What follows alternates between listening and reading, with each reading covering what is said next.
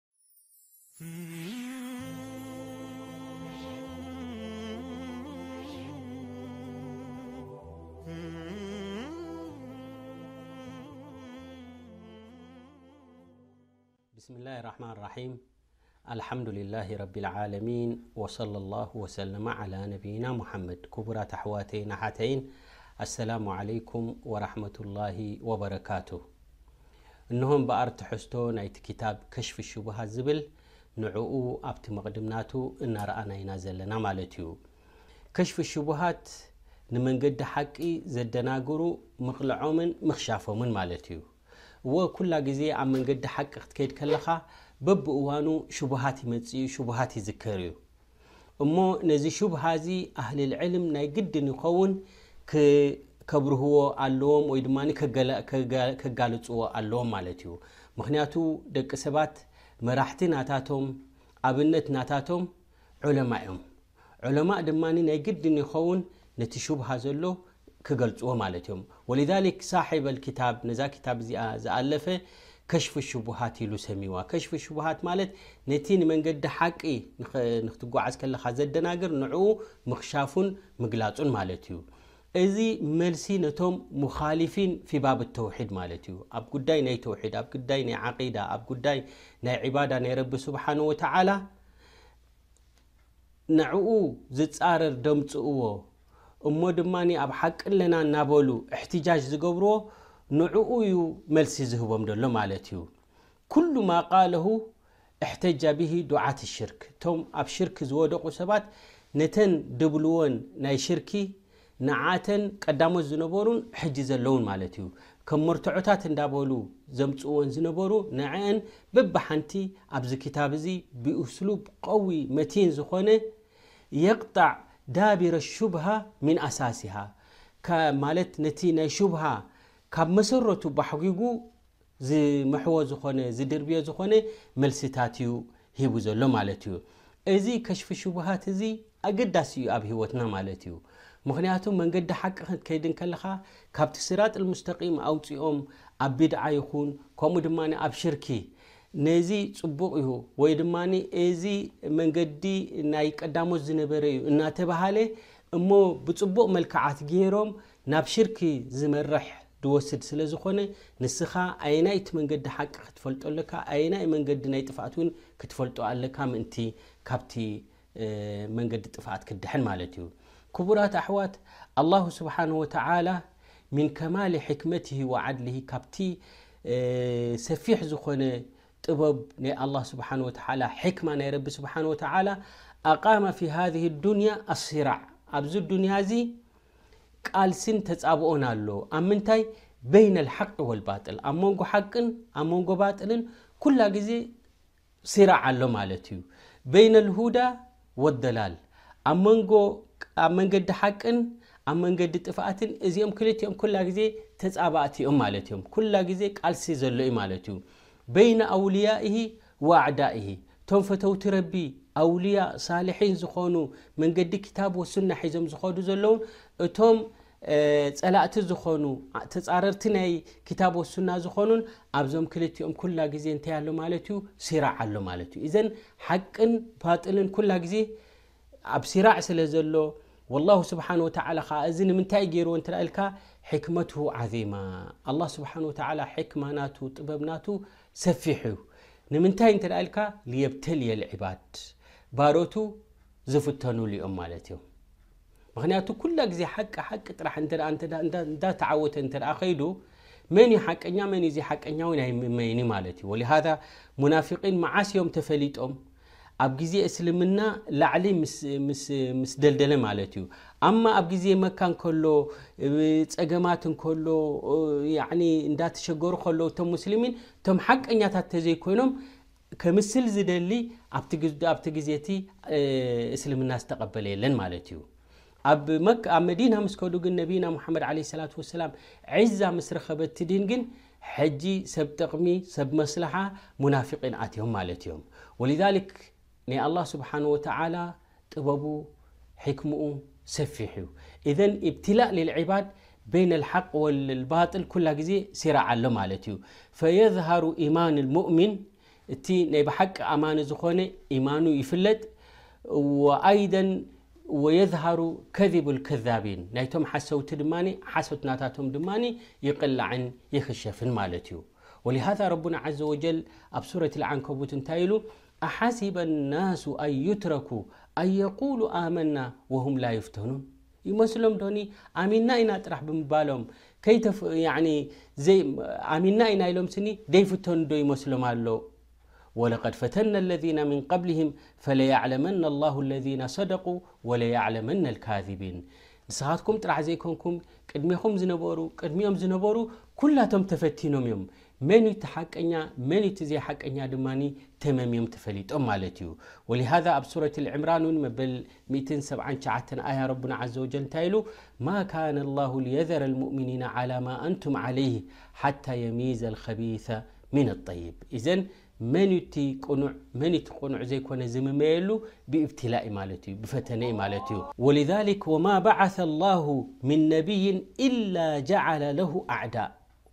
ኣላህ ስብሓን ወተዓላ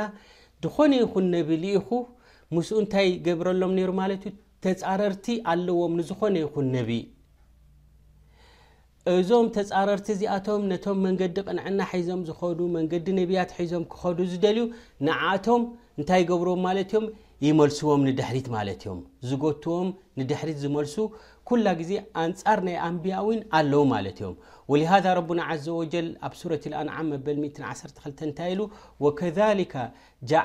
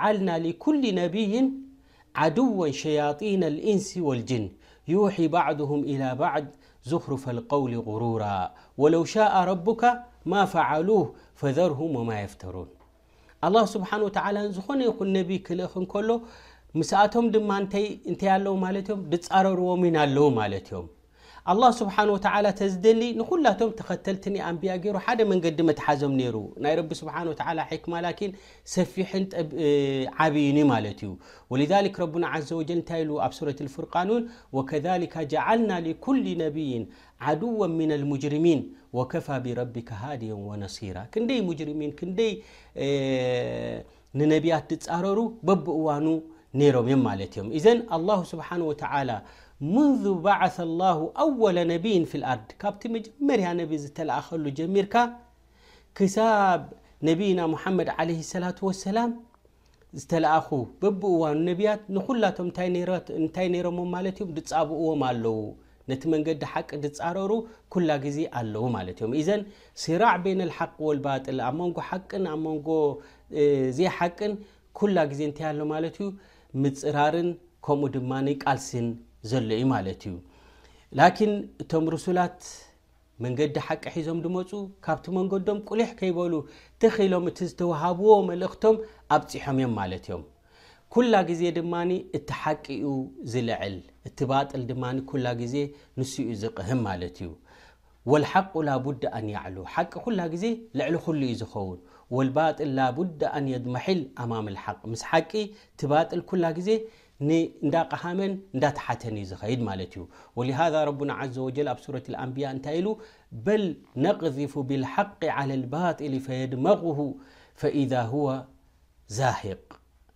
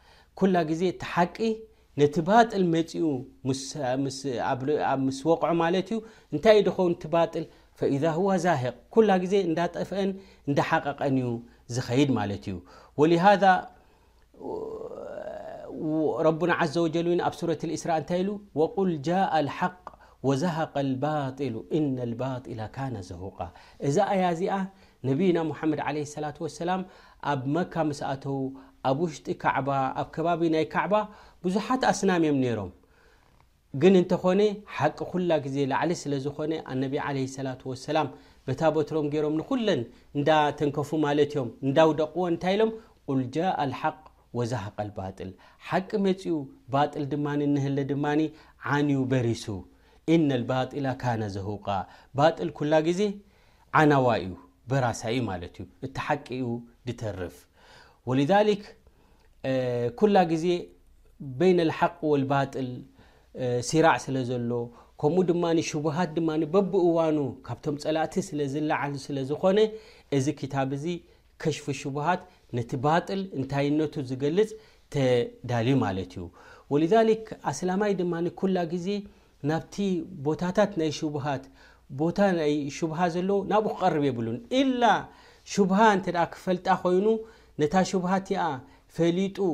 እሞ ካብኣ ክርሕቕ እሞ ንዓኣ ድማ ነታ ሹብሃ ርዲ ክገብረላ እተዘይኮይኑ ኣብ ሹብሃ ዘለዎ ቦታ ክቐርብ የብሉን ማለት እዩ ምክንያቱ ንተውሒድ ድፃረር ንተውሒድ ካብ ያኒ ተጻባእቲ ዝኾኑ ብዙሓት ስለ ዘለው ንስኻ ድማ ካብቲ ናይ ሹብሃ ቦታ ሪሕቕካ ኣብቲ ቦታ ናይ ተውሒድ ኣብቲ ቦታ ናይ መንሃጅ ሳሒሕ ኣብኡ ጥራሕ ኢኻ ክትጓዓዝ ዘለካ ማለት እዩ ወሊሃዛ ሸኽ መሓመድ ብኒ ኢብራሂም ሙፍቲ ድያር ዝነበሩ እንታይ ይብል ራሕመቱላህ ዓለይህ ላ ዩዘሃዱ ፊ ተውሒድ ፈኢነ ኣዙህደ ፊሂ ዩውቂዑ ፊ ضድሂ ካብ ተውሒድ ኩላ ግዜ ይኣኽለና እዩ ኣይበሃልን እዩ ተውሒድ ኩላ ግዜ ኢኻ ተደጋጊሙ ኢኻ ክትፈልጦ ዘለካ ማለት እዩ ምክንያቱ ካብ ተውሒድ ዝህዲ ምግባር ካብ ተውሒድ ይኣኽለና ኢልካ ምግዳፍ ኣብ ምንታይ የውድቐካ ማለት እዩ ኣብ ሽርክ እዩ ዘውድቐካ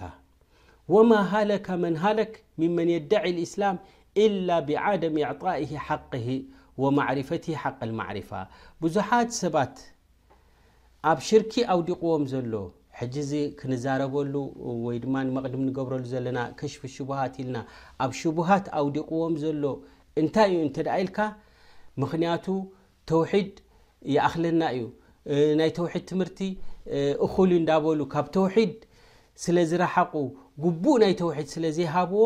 ኣብዚ ንሪኦ ዘለና ሕጂ ኣብዚ ሽቡሃትን ኣብ ሽርክን ወዲቖም ንረኽቦም ዘለና ማለት እዩ ወሊዛሊክ ብዙሓት ሰባት ሸሃደታ እንታ ላኢላሃ ኢላላህ መሓመድ ረሱሉላህ ብቓልካ ጥራሕ እንተ ኢልካስ እኹል እዩ ኣብ ዝብል እውን ወዲቖም ማለት እዮም ነቲ ንተውሒድ ዝፃረር እንታይ እዩ ኣብ ሽርኪ ዘውድቐካ? ንዕኡ ክመሃርዎን ካብኡ ክርሕቁን ድማ ኣይተረኸቡን ማለት እዩ። ወሊዛሊክ ብዙሓት ሰባት እንታይ ይብሉ ማለት እዮም፣ ብዛዕባ ተውሒድ ክትመሃር እንከለኻ፣ ተውሒድ ክትደጋግሞ ከለኻ፣ ተውሒድ ተማሂርናዮ እንዲና፣ ተውሒድ ፈሊጥናዮ እንዲና ዝብል ኣይሰኣንን ይኸውን። እንተኾነ ግን እዚ እዚ ኣዝበሃላ እዚ ዘይቁኑዕ እዩ። ምኽንያቱ ተውሒድ ኣንብያ ሒዞሞ ድመጹ እዮም ኩላቶም ነብያት ብሓንቲ ቃል ኣብ ዝኾነ ይኹን ግዜን ቦታን ሒዞሞ ድመጹ ነብያት እንታይ እያ ኔራ እንተ ኢልካ ናብ ተውሒድ ዝዕድም እዩ ኔሩ ወለቀድ በዓትና ፊ ኩሊ ኡመቲን ረሱላ ኢሉ ረቢ ስብሓን ተዓላ ንኹሉ ህዝቢ ልኡኻት ልኢኽና እንታይ እዮም ድብሉ ነይሮም ኣን ዕቡዱላህ ወጅተኒቡ ጣቁት እዮም ድብሉ ነይሮም እዕቡዱላህ ቁሉ ላኢላሃ ኢላላህ እዚኣ ማለት እዩ እታ ላኢላሃ ኢለላህ ኣነፍይ ወልኢትባት ኣለዋ ማለት እዩ ኩሉ ጣኦታት ገዲፍካ ብጀካ ብሓቂ ክምለኽ ዘለዎ ብጀካ ሓደ ኣላህ ተዘይኮይኑ ካልእ የለን ዝብል ማለት እዩ ኢዘን ኩላ ግዜ እዛ ተውሒድ እዚኣ ክትደጋገም ዘለዋን ክንፈልጦ ዘለናን እዩ ኣብ ሹብሃ ኣውዲቕዎም ዘሎ ድማ ዙሁድ ካብ ተውሒድ ስለ ዝገበሩ እዩ እሞ እዚ ሞኣልፍ እዚ ነተን ሹብሃት ደምፅእዎን ኣብ ሽርኪ ወዲቖም ከለዉ ኣብ ተውሒድ ኢና ዘለና ንክብሉ ኢሎም ደምጽእዎን መርትዖታት ንዓኣተን ዝኸሽፍ ወይ ንዓተን ዝቐልዕ ክታብ እዩ እሞ እንሻኣላህ ኣብቲ ድመጽእ ትሕዝቶ ብዝያዳ ክንርእዮ ኢና ወኣስኣሉላህ ዓዘ ወጀል ኣን ይወፊቀና ሊማ ዩሕብሁ ወየርዳህ ወሰለላሁ ወሰለመ ዓላ ነብይና ሙሓመድ